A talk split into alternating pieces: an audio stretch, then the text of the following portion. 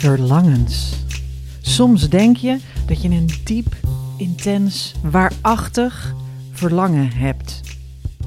Zoals ik zelf weet dat ik altijd zal verlangen naar verhalen. Dat is de romanticus in mij.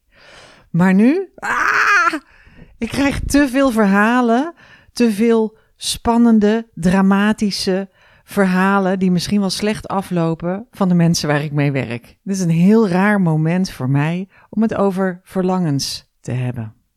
Welkom bij de Wil ik een kind podcast. Ik ben Evelien en ik help je als je twijfelt over wel of niet een kind, omdat de liefde het allemaal niet vanzelfsprekend maakt.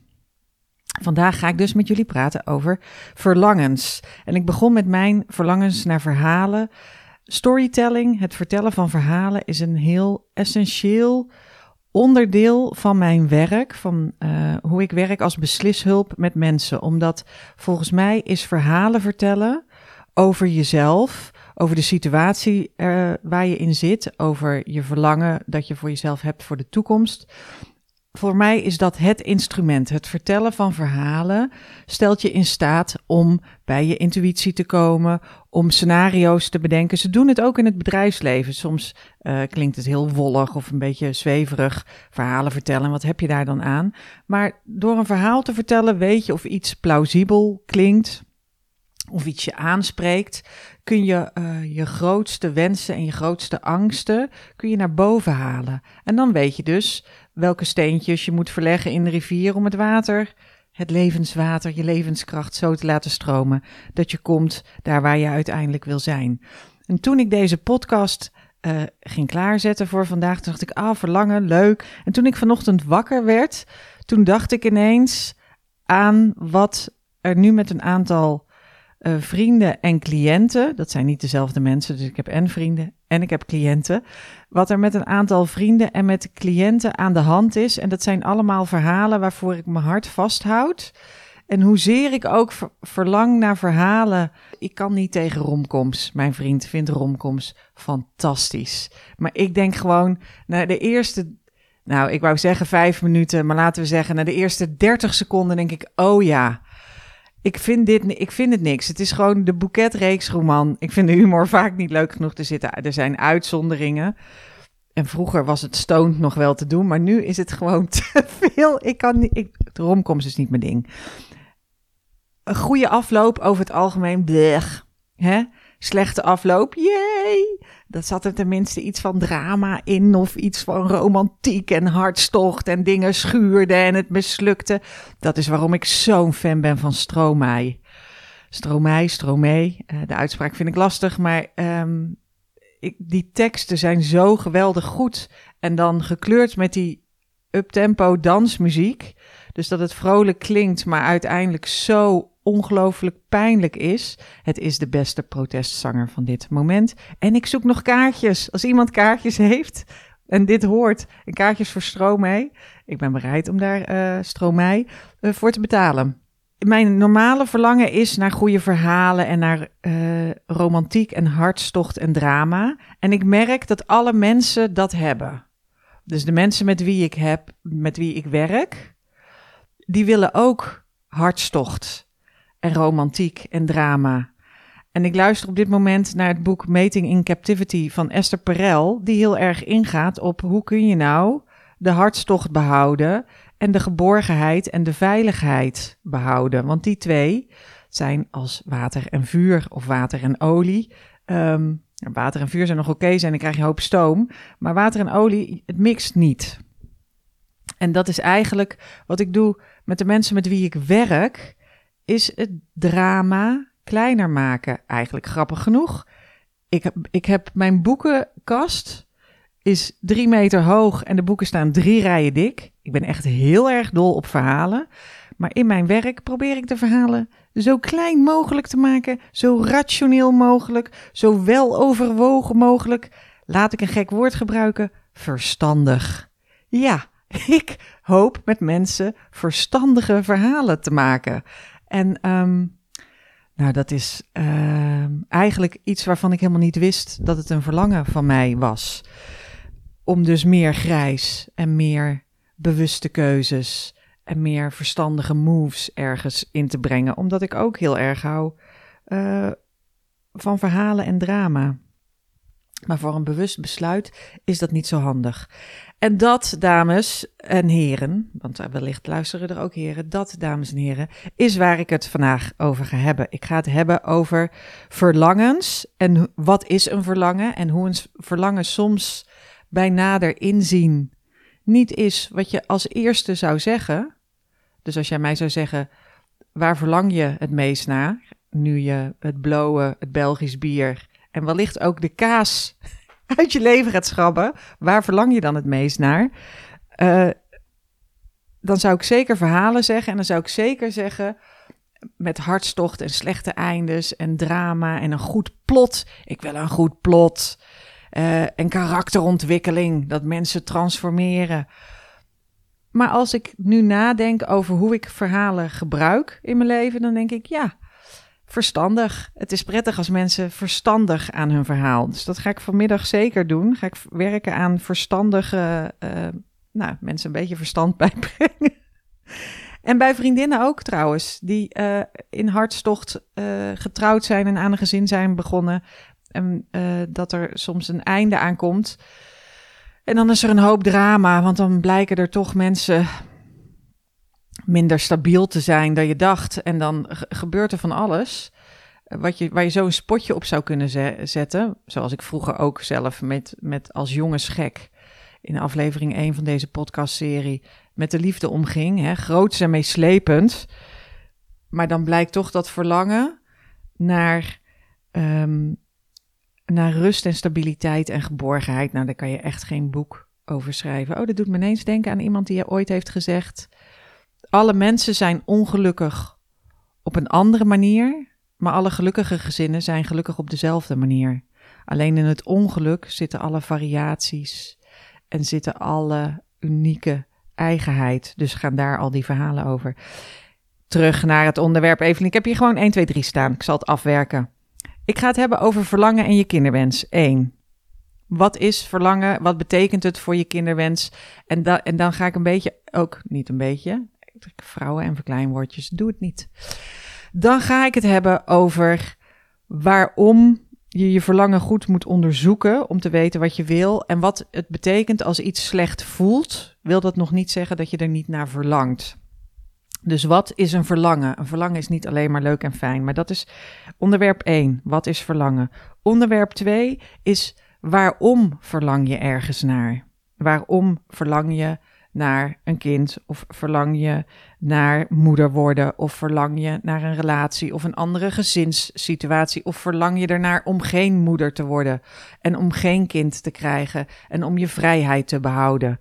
Ik word ineens heel uh, actief, omdat ik merk dat ik uit mezelf uh, dat die optie verwaarloos, terwijl ik het zo belangrijk vind dat het genoemd wordt, omdat het een volwaardige keus is voor vrouwen. Dus ik begin opnieuw. Waarom verlang je naar vrijheid? Waarom verlang je naar autonomie? Waarom verlang je naar een leven zonder kind? Terwijl de mensen om je heen misschien zeggen: neem kinderen. En waarom verlang je naar het moederschap of een kind of een gezin met een hoop chaos en rotzooi erbij? Waarom? Dus het eerste is wat is verlangen? Het tweede is waarom verlang je naar iets? En het derde is hoe vervul je een verlangen? Hoe bevredig je een verlangen? En uh, nou, daar, uh, dat zijn de drie onderwerpen waar ik vandaag met jullie over ga praten. Ja, maar ik weet dus niet of dat ik het wel echt wil.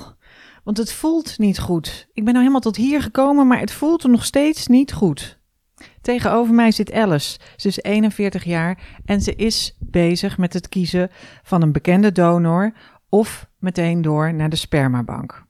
Ze is slim, ze heeft een goede baan, ze heeft een eigen huis op een mooie locatie.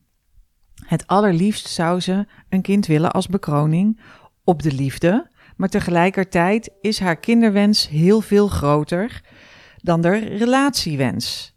En in de relaties, daar is ze een, uh, een knap zakje met, ga ik weer met het verkleinwoord, een knap zak met bagage.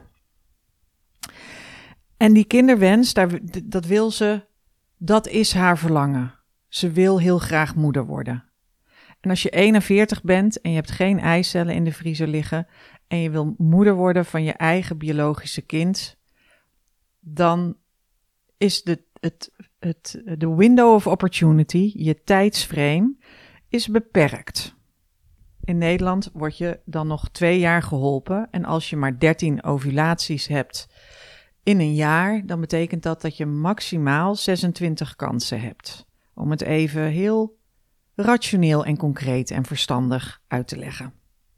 Samen met Alice heb ik een, een plan van aanpak gemaakt, ook al heel verstandig en heel rationeel.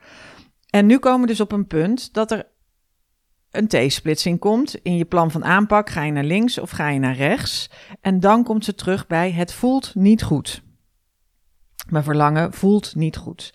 En ik heb hier al in een eerdere podcast over gezegd: dingen kunnen niet goed voelen om een aantal redenen. Iets kan niet goed voelen omdat de tijd nog niet rijp is. Iets kan niet goed voelen omdat het gewoon niet voor jou is. En iets kan niet goed voelen omdat jij nog iets te doen hebt, persoonlijke groei moet doormaken, omdat het een obstakel is waar je nu mee aan de slag moet en doorheen moet. En dat is al moeilijk om dat te rijmen met het idee van verlangen. Vaak komen mensen op zo'n moment op mijn site terecht, omdat je dan gaat googlen: uh, moet ik stiekem zwanger worden? Wil ik eigenlijk wel moeder worden?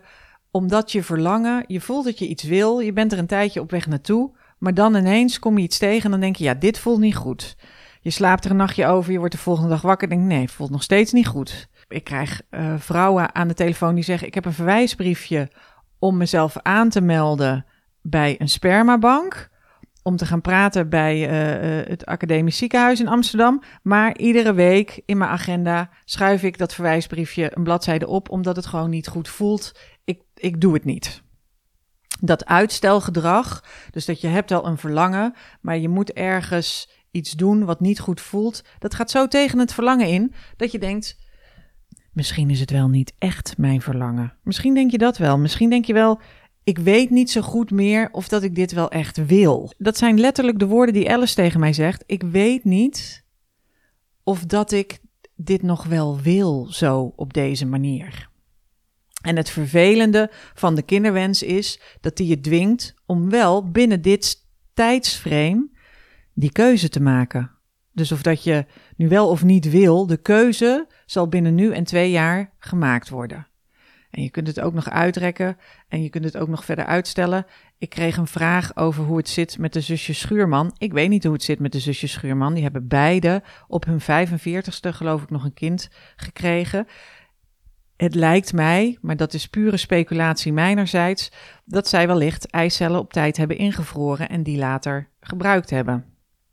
En of ze zijn super ultra vruchtbaar. Maar het is in ieder geval niet een norm of een standaard of een meetlat waar je jezelf naast moet leggen. Je moet er niet naast gaan liggen en denken: oh, 45 kan ook nog wel.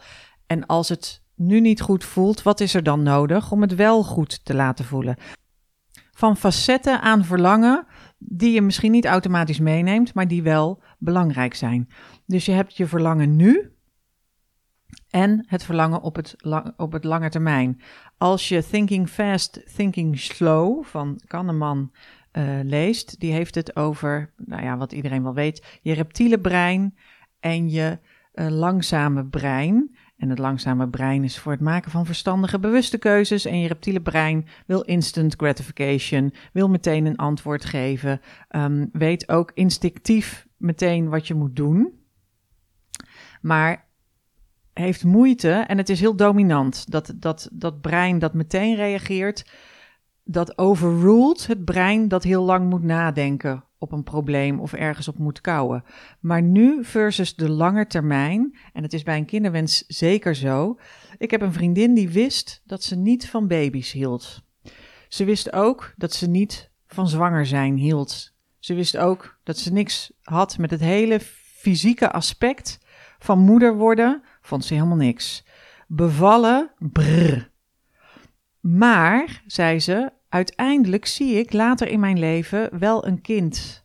Ik zie wel een gezin met een kind daarin. Ik hoop dat het kind heel snel leert praten en dat je ermee kan communiceren. Want die hele periode, vanaf de conceptie tot aan dat het kan lezen en schrijven, vind ik eigenlijk niks.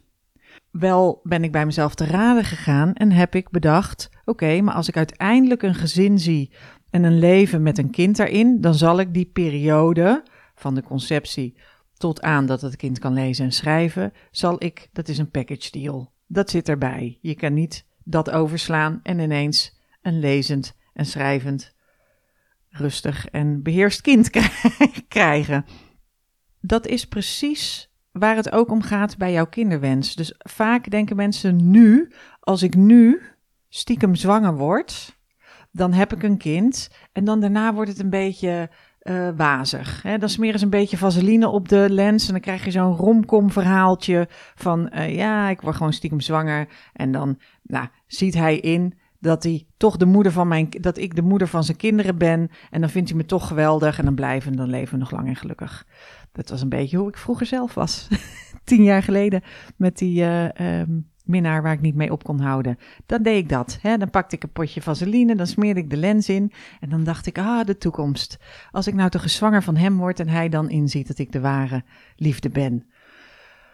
Dus ik ken mensen die dat verhaal gedaan hebben en die dat leven. Nou, dan kan je de lens wel, uh, kan je wel een harde, scherpe HD-lens erop zetten. Want dan wordt het ineens wordt het een heel ander verhaal. Want hij ziet uiteindelijk niet in dat jij de moeder van zijn kinderen bent. Hij denkt, negeren die handel. Je kunt hem nog zoeën, omdat hij toch uh, geld moet betalen als hij uh, de vader van het kind is. Je kunt niet op romantiek en hartstocht en drama een verhaal maken dat geborgenheid, veiligheid en stabiliteit en een, een, prettige omgeving voor je kind is. Als je verlangt naar het moederschap, dan verlang je dus naar geborgenheid en naar veiligheid en stabiliteit. En als je verlangt naar een leven zonder kind, dan moet je er dus ook rekening mee houden. Want dat vind ik dus ook een volwaardige optie. Heb ik net aan het begin gezegd, ik ga het volhouden. Als je verlangt naar een leven zonder kind, dan betekent dat ook dat je bijvoorbeeld vrienden zult hebben die wel kinderen nemen en die een ander pad bewandelen, waardoor jullie paden minder parallel zullen lopen. En dat zegt niks over de kwaliteit van de vriendschap of voor de verbondenheid tussen jullie. Maar als die paden een andere kant op lopen, dan is er wellicht tijdelijk minder contact. En dat is zo als ze jonge kinderen hebben. Daarna komt het, kom je misschien weer meer samen. Maar als er daarna kleinkinderen komen, zie je ook weer dat mensen een andere kant op meanderen. Het betekent ook dat jij kunt je vrijheid vieren en je kunt de dingen doen die je wil doen. Maar je zult op sommige momenten in je leven verdrietig zijn over het feit dat er geen kinderen gekomen zijn. En dat is oké. Je verlangen naar een leven vol vrijheid en autonomie betekent niet dat er nooit verdriet zal zijn om iets waar je niet naar verlangde, dat dat er niet is. Zo, hele ingewikkelde zin, maar ik zeg er wel mee wat ik ermee wil zeggen. Je verlangens zijn ambigu. Die hebben meerdere kanten het is niet een verlangen is niet alleen maar leuk en lief en fijn. In een verlangen zit ook kwetsbaarheid en er zit ook ergens het kost iets. Een verlangen kost iets. Et voilà. Aan ieder verlangen hangt een prijskaartje. Het brengt een rekening met zich mee. En die ambiguïteit en die pijn, die moet je erkennen omdat je anders niet goed weet waar je voor kiest. Ik ga even het rijtje opsommen van wat er allemaal bij een verlangen komt kijken. De dimensies aan een verlangen is dus je hebt nu en de lange termijn. Je hebt een ideaal en wat realistisch is. Dus vaak willen we iets en is dat zo groot en ideaal en eigenlijk onbereikbaar Terwijl het wel is, dat is wat de maatschappij verkoopt. Hè? De maatschappij verkoopt instant quick fixes die alles oplossen. Wat uiteindelijk gebeurt is dat iedereen een Instagram filter over zijn gezicht schuift en alles is mooi en fantastisch. Maar dit is niet de echte wereld. Het is niet realistisch. Dus sommige verlangens zijn de verlangens naar een ideaal, maar zijn niet realistisch. Wat veel mensen ook denken, en daar had ik het er net even over, is dat je een verlangen kunt bevredigen. En dat je dat dus als je verlangen bevredigd is, dat het dan, ja, wat gebeurt er dan? Dan ben je klaar, kom je klaar. Is dan je verlangen weg? Is dan je verlangen vervuld? Uh, verdwijnt het verlangen of herhaalt het zich steeds? Daar las ik iets interessants over in een fantastisch boek. Het was het uh, self-help boek van 2021, Atomic Habits van James Clear. Elementaire gewoontes over verlangen. En hij zegt, wat bleek bij mensen die verslaafd zijn, verslaafd zijn aan uh, cocaïne, heroïne en aan roken. Het betekent dat je in je hoofd de endorfines aanmaakt op het moment dat je het product ziet, maar niet op het moment dat je het gebruikt. Dus het verlangen naar iets, het, het nog niet doen, maar het wel aspireren, er wel over dromen, er wel in gedachten mee bezig zijn, er beelden mee hebben, dat is wat je gelukkig maakt. Er beelden mee hebben, er beelden bij hebben, of eigenlijk leven met die beelden in je hoofd. Dat is wat verlangen is. Maar zodra je de sigaret aansteekt, ben je eigenlijk al, is, is dat hele fijne gevoel al weg. Dan ben je gewoon uh, verwoed aan het lurken totdat je hem uitmaakt en dan denk je, nou, en dan viel het eigenlijk een beetje tegen. In de plaats van bevredigen, zou je kunnen kijken hoe kan ik dit verlangen cultiveren, ervan genieten. Aan uh, wat ik er straks zei, ideaal versus realistisch, zit ook de droom versus iets dat werkbaar is. En veel van onze verlangens zijn dromen en daar kun je heel moeilijk aan de knoppen draaien. Terwijl als je realistisch bent, dan weet je welke acties ergens aan zitten, kunnen zitten. Terwijl als je realistisch bent, dan weet je wat je kunt doen. Dan zitten er acties aan verbonden. Als iets werkbaar is, dan heb je zelf de regie. Als je droomt over iets en je weet niet aan welke knoppen je moet draaien, dan heb je geen controle, dan heb je geen grip, dan heb je geen regie dan ben je machteloos. Dus dromen over een verlangen maakt eigenlijk machteloos. Wat ik in het begin al zei, een verlangen hoeft niet alleen maar leuk te zijn. Je verlangt ook naar zingeving. En zingeving is niet makkelijk. Dat is niet een simpel iets. Als ik door het Vondelpark fiets en ik zie daar uh, junken met grote blikken uh, Bitburger of uh, Lidl bier of ik weet niet, Schultenbrouw heet dat bier. Met grote blikken Schultenbrouw en een dikke jonko, dan kan ik daar oprecht wel eens jaloers naar zijn. En toen ik dat een keer vertelde aan een vriendin, die keek me aan, die zei, daar begrijp ik echt helemaal niks van. Maar ergens als levensgenieter denk ik, dat is toch de ultieme vrijheid. Gewoon met je blik bier jezelf verdoven en genieten van iedereen die voorbij komt fietsen, in het zonnetje gaan zitten, ongewassen en je nergens iets van aantrekken. Dat is helemaal niet. Ik, kan dat, ik verlang daar niet echt naar, maar er zit een, een simpel genoegen in waar ik soms naar verlang. Maar uiteindelijk zijn al mijn verlangens veel dieper, veel complexer, veel ambiguur. Uiteindelijk draaien mijn verlangens ook om zingeving en niet alleen om leuk. Als je alleen voor leuk zou gaan, dan zou je verslaafd zijn, denk ik. Als het alleen maar lekker hoeft te zijn, dan zou je of obese of verslaafd of um, uh, dan zou je gewoon hedonistisch exploderen. Alleen maar leuk. Je verlangen is niet een probleem. Een verlangen is niet een probleem dat je op moet lossen. Een verlangen is niet een simpel iets. Dus het is niet zo, ik verlang naar een kind, dat is het probleem. De oplossing is zorgen dat ik zwanger word. Zo simpel is het niet. Je verlangen is veel paradoxaler. En dat haal ik uit het boek Mating in Captivity van Esther Perel. Die had het daarover, over hartstocht en relaties. En ik denk dat dat ook geldt uh, voor je uh, wel of niet moeder worden. Ook als je geen moeder wil worden, maar een kind vrij bestaan wil, wil leiden, dan zit daar een paradox in.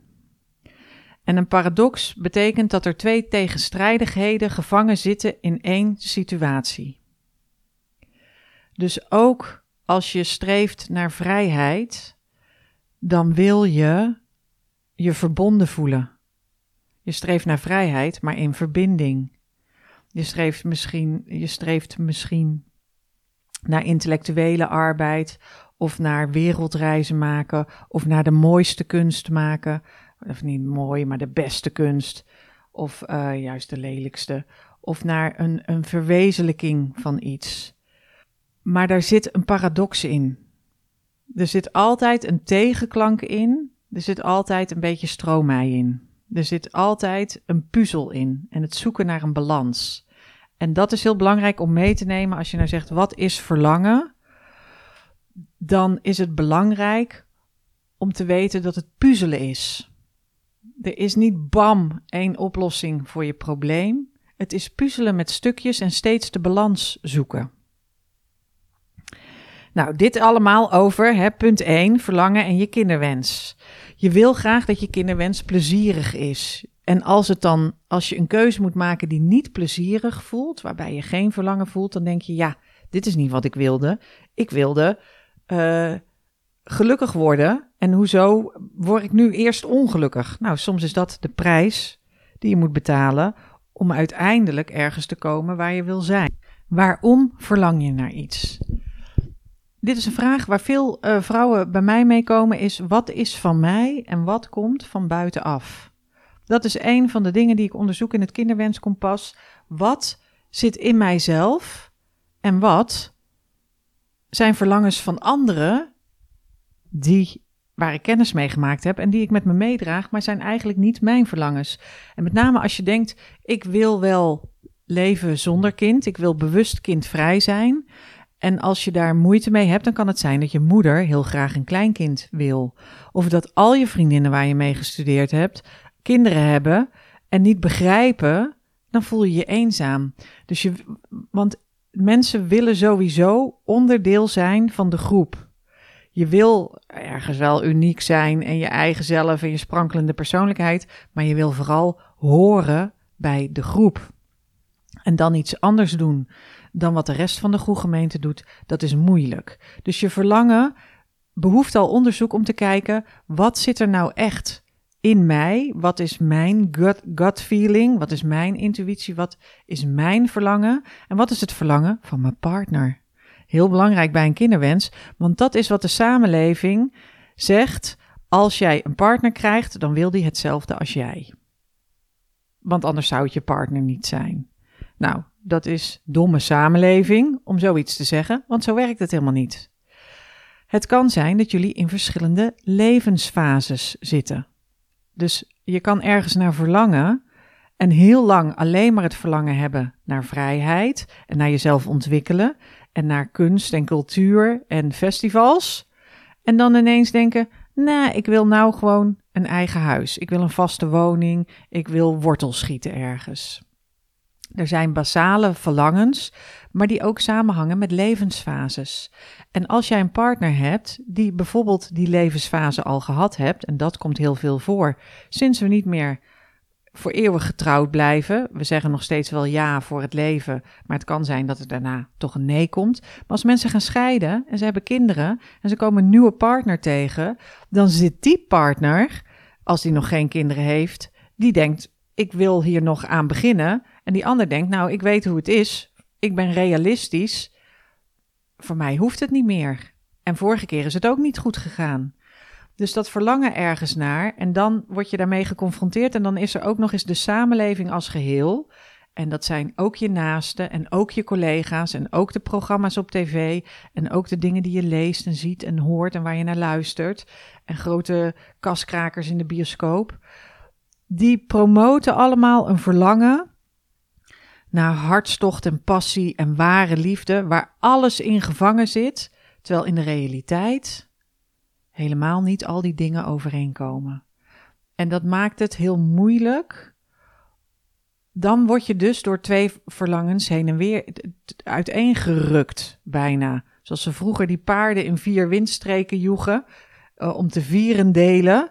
Zo kun je jezelf voelen tussen het verlangen om bij je partner te zijn, omdat dit de beste relatie is die je ooit gehad hebt, maar ook het verlangen om ooit moeder te worden, omdat dat een levenslang gekoesterde wens slash verwachting is geweest en deze partner wil dat niet. Of kan dat niet meer. Of, um, uh, de, dus als daar een kink in de kabel komt, dan gaat je verlangen alle kanten op. En wordt het voor jou onduidelijk van wat zit nou midden in mij? Wat zegt mijn intuïtie? En wat komt er van buitenaf? En om daarachter te komen, dat is best wel veel werk, maar dat kan dus wel. En het is goed om daar ook eens bij stil uh, over te staan. En ik voel nu de behoefte om ook een soort uh, opdracht te geven, nou om te kijken of dat je realistisch bent. Zou je in je omgeving, dit is een opdracht uit het werkboek, pagina 47, een opdracht uit het werkboek is om jezelf te vergelijken met tien anderen. Tien andere mensen die je goed genoeg kent om iets te zeggen over hun privéleven. Dus dat kan zijn in je eigen gezin, als je broers of zus hebt, of uh, het kan zijn in je familie, ooms, tante, neven, nichten. Het kunnen vrienden zijn die je goed kent, waar je thuis over de vloer komt, collega's. Um, kijk eens naar de mensen die je goed kent. Schrijf tien namen onder elkaar en dat kunnen dus alleenstaande mensen zijn, het kunnen uh, stellen zijn, het kunnen polyamoreuze mensen zijn, maakt niet uit. Je zet tien namen onder elkaar en daarna geef je ze een cijfer. Dat is voor sommige mensen heel moeilijk, maar dat gaat, het gaat erom. Het cijfer is een voldoende als je met ze zou willen ruilen. En het is een onvoldoende als je niet met ze zou willen ruilen. En jij bent die mensen niet. Dat weet ik ook wel. En je kunt die mensen ook niet zijn. Maar zou jij hun leven willen hebben? Je mag geen uh, namen erop zetten zoals George Clooney. Je mag alleen namen erop zetten van mensen die je zelf goed kent. En dan ga je hun thuissituatie beoordelen. Niet voor die mensen zelf, maar voor jouzelf om te kijken of dat jij dat leven zou willen hebben. In de realiteit zou jij hun leven hebben. Je zet die tien namen onder elkaar en daarna geef je ze een cijfer. Je geeft een voldoende als je met ze zou willen ruilen en een onvoldoende als je niet hun leven zou willen hebben. En je schrijft erachter waarom. Dus uh, Linda, Roos en Jessica zou ik het leven van Linda willen hebben. Nou, Linda is gelukkig met Pieter. En Pieter en Linda hebben vier kinderen. Ze wonen in een grote villa. Um, ze doet liefdadigheidswerk. Hij verdient sloten met geld. Maar ik zou niet met ze willen ruilen. Want die kinderen die zijn ontzettend vervelend. En zij hebben eigenlijk altijd ruzie. Daarom zou ik niet met ze willen ruilen ze tikken alle boksen aan, maar volgens mij leven ze niet harmonieus en zouden ze eigenlijk ergens anders willen zijn. Dus ik geef ze een onvoldoende. Nou, Roos. Roos is in er eentje, woont op een klein appartement, maakt kunst, heeft een prachtig atelier, um, gaat regelmatig op reis, uh, vraagt ook kunstenaars hier. Ze heeft een heel rijk sociaal leven. Ze heeft alleen geen cent te makken en ze heeft geen kind. Zou ik daarmee willen ruilen? Ja, want ze is heel autonoom. Ze, uh, is, ze leeft in vrijheid en ze is heel integer. Jessica. Enfin, je begrijpt nou een beetje wat ik bedoel. Dus je schrijft die tien namen onder elkaar en dan schrijf je ze daarachter een voldoende als je zou willen ruilen en een onvoldoende als je niet met ze wil ruilen. En dat is alleen om voor jezelf, het is een, een uh, reality check. Het is om realistisch te kunnen denken. Is het, is het goed om jezelf eens goed te vergelijken? Want dat waar je naar verlangt, het gezin waar je naar verlangt, of het leven waar je naar verlangt, het privéleven, dat je zo ambieert, waar je naar smacht, dat moet je eens afzetten tegen wat er in de realiteit om je heen te zien is. En dan kun je daar dus karaktereigenschappen uithalen en zien van, oh, dit vind ik belangrijk en dat vind ik belangrijk en dat zou ik zeker niet willen en dat zou ik wel willen. En dat geeft jou, daarna moet je het briefje vernietigen, want die mensen moeten het natuurlijk nooit vinden, maar dat geeft jou inzicht in hoe realistisch is mijn verlangen, in welke levensfase, dus je verlangen kan tijdgebonden zijn, ondanks dat, het, dat er intuïtie onder zit en iets wat over een langere periode gaat. En je verlangen kan uh, door andere mensen beïnvloed worden. Dus als jij heel een grote kinderwens hebt, maar jouw partner wil absoluut geen kinderen meer. En je houdt heel erg van hem en van jullie relatie. Dan wordt het heel moeilijk om jouw abstracte kinderwens op één te zetten, omdat dat iets is wat er nog niet is, misschien wel nooit komen gaat. En de relatie is er al wel. Dus je hebt een hoop te verliezen en weinig te winnen. En helemaal als je niet zeker weet of dat het verlangen van jou nou jouw verlangen is en waar je dan precies naar verlangt, Of dat het het verlangen is van je vriendinnen en je moeder. En wat iedereen tot nu toe, de verwachtingen, de sprookjes die je vroeger uh, gelezen hebt. Waarom zou je niet gewoon genoegen nemen met de bonuskinderen die je een halve week hebt en dat je dan ook nog vrijheid hebt? Nou, als je op die manier met je verlangen bezig bent en je komt er niet helemaal uit, dan moet je contact met mij opnemen. Dit is mijn expertise en specialiteit. Dit is waarom verlangens uiteindelijk zijn ze belangrijk als je erbij kunt, als je dus intuïtief werk hebt gedaan en je weet wat een goed leven voor jou is, dan stelt een verlangen je in staat om regie te nemen, om richting te bepalen. Dus als je je innerlijke kompas kalibreert, wat we dus doen bij dat kinderwenskompas. Waarom is verlangen zo belangrijk bij een kinderwens?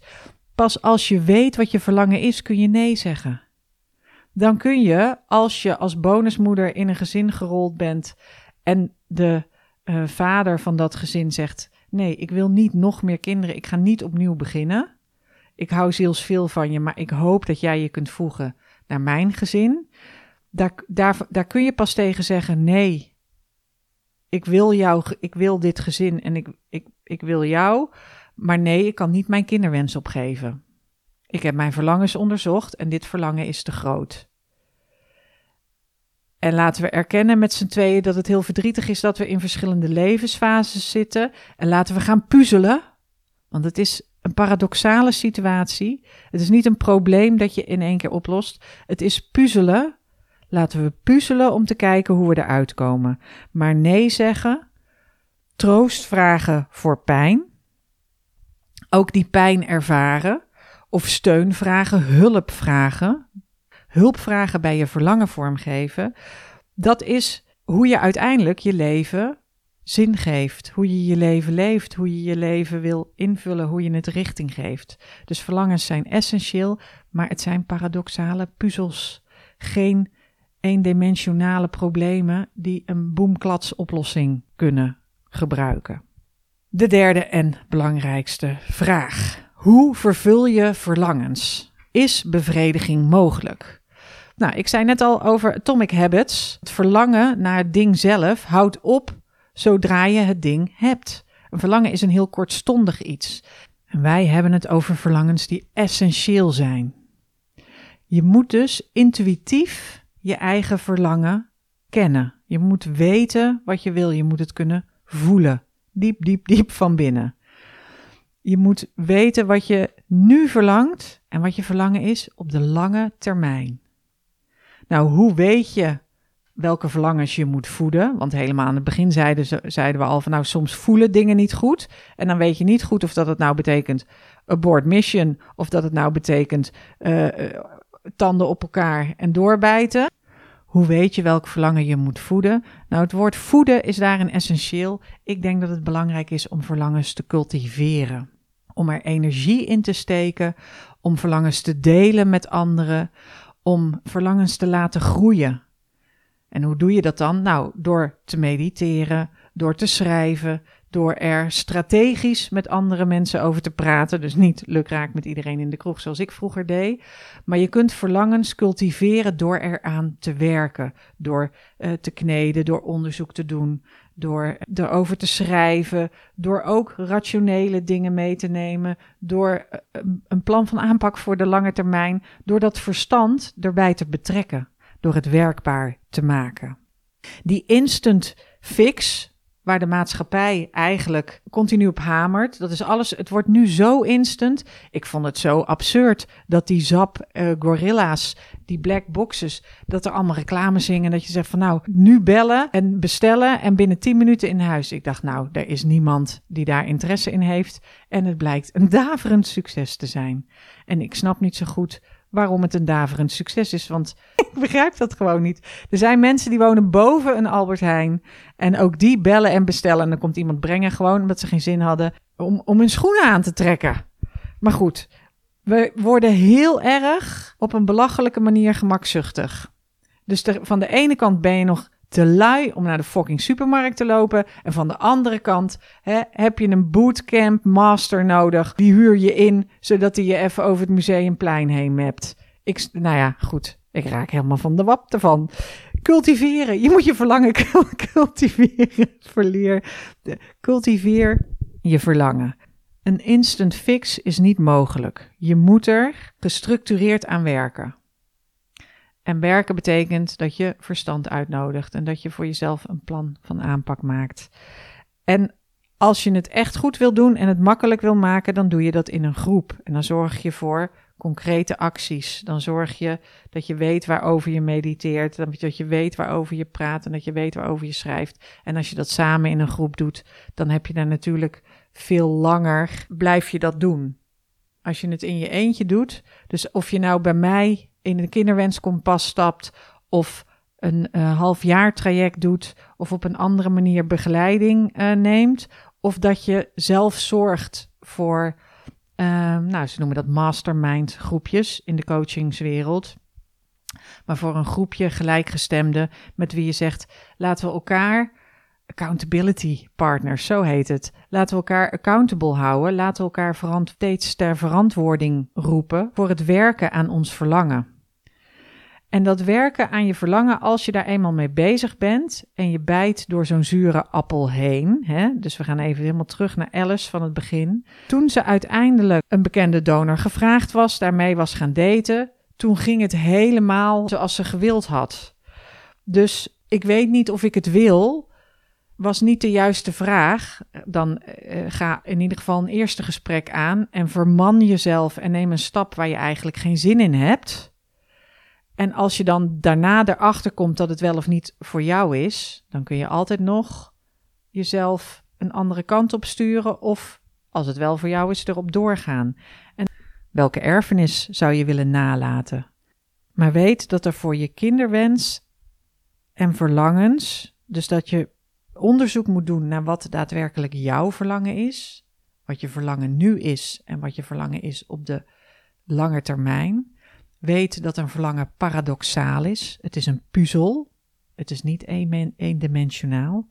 En weet dat uiteindelijk je verlangen je richting zal geven. Als je bij je intuïtie kunt en je verlangens helder hebt voor jezelf, als je weet wat je grote wens is, dan helpt dat je ook met nee zeggen. Het helpt je om troost te vragen. Het helpt je om verdriet te ervaren. Het helpt je om vooruit te komen. En het helpt je ook om plezier te hebben in dingen die je nu nog als een probleem ziet. Nou, terug naar uh, helemaal aan het begin had ik het over die verhalen. En waar ik dus middenin zit, is dat mensen enorme soaps aan het schrijven zijn. Ik weet niet of dat het de tijd van het jaar is, dat je zo eind januari is het nu. Dit is dan toevallig een hele mooie zonnige dag. Maar wat zit iedereen toch ineens helemaal in de soaps en de romantiek en de hartstocht en het drama? Het is afschuwelijk een vriend van me die met een vrouw alsnog aan kinderen begonnen is, maar die vrouw is ineens helemaal geflipt. Dus die is toevallig eergisteren bevallen van een dochter en die wil nu niet dat hij het kind ziet. Dus dat is enorm snel zijn zij begonnen aan kinderen en dachten ze van nou komt allemaal wel goed en nu loopt het helemaal mis. Wat op film en in een boek en voor het verhaal fantastisch zou zijn, maar als het een vriend van je is, is het alleen maar heel verdrietig. Verdrietig en verwarrend. En ik heb een andere dame die net als Alice denkt van bekende donor. En die loopt ook helemaal van de rails, omdat uiteindelijk dat wordt met die bekende donor wordt bijna een uh, nieuw gezin. Wel, die man heeft al een gezin. Dus daar valt ook nog wat ratio in aan te brengen. Dus ondanks mijn verlangen naar goede verhalen, ik zou wel weer eens een goed boek kunnen gebruiken, zodat ik daar mijn verlangen naar verhalen kan bevredigen de instant quick fix. En dan zal ik ervoor zorgen dat iedereen met verlangens en een kinderwens in de verwarring en de verdriet en de ellende, dat die een beetje verstand krijgen. Lang verhaal. Nu weet je wat meer over wat verlangens inhouden, over waarom je verlangens belangrijk zijn, omdat ze je leven richting geven. En ook dat je je verlangen niet kunt vervullen, maar dat je het kunt cultiveren. Cultiveren, dat wou ik ook nog even zeggen, want ik zei dat in een groepsessie iemand zei, ik kan niks met dat woord. Wat bedoel je met cultiveren? Ik bedoel zoals je tuineert. Die metafoor, die bedoel ik. Ik bedoel dat je het in een potje stopt, dat je er aarde bij doet, een zaadje en dan water en aandacht en liefde en in de zon zetten en mee rondsjouwen en dat je denkt, hoe laat ik dit groeien? Dat is de kern van cultiveren, is aandacht en liefde en energie insteken en dan zorgen dat het een mooie plant wordt. En alle planten zijn anders. Er staan hier torenhoge eiken, maar er staan ook kleine struikjes met prachtige bloemetjes. En er staan ook rhododendrons en klaprozen. Dus er is van alles mogelijk, maar jij stopt het zaadje in de grond en dan besluit je: hier geef ik aandacht en liefde en energie aan en dit cultiveer ik. Een verlangen is niet wat je in één keer kunt bevredigen, want dan uiteindelijk sta je op de hoek in het Vondelpark met je blik Schuttenbrouw en een dikke jonko. En dat is niet de kant die we op willen, als we een beetje verstandig zijn. Heb je genoten van deze podcast? Geef hem een duimpje omhoog. Dat zegt mijn kind steeds omdat ze vlogger wil worden. Ik geloof niet dat je duimpjes omhoog kan geven. Je kan me wel een review geven. Je kan ook uh, jezelf abonneren. En abonneer je ook meteen even op nieuwsbrief. Die vind je op mijn site. Daar staat download de beslisgids en er staat een gids over vruchtbaarheid. Er komt ook nog een formulier voor. Geef je op voor de nieuwsbrief. Ik schrijf iedere week hartstikke geinige nieuwsbrieven. Heb je iets wat je mij wil laten weten? Wees welkom. Mogen alle verlangens vervuld worden met steengoede verhalen. Tot de volgende keer. Doeg!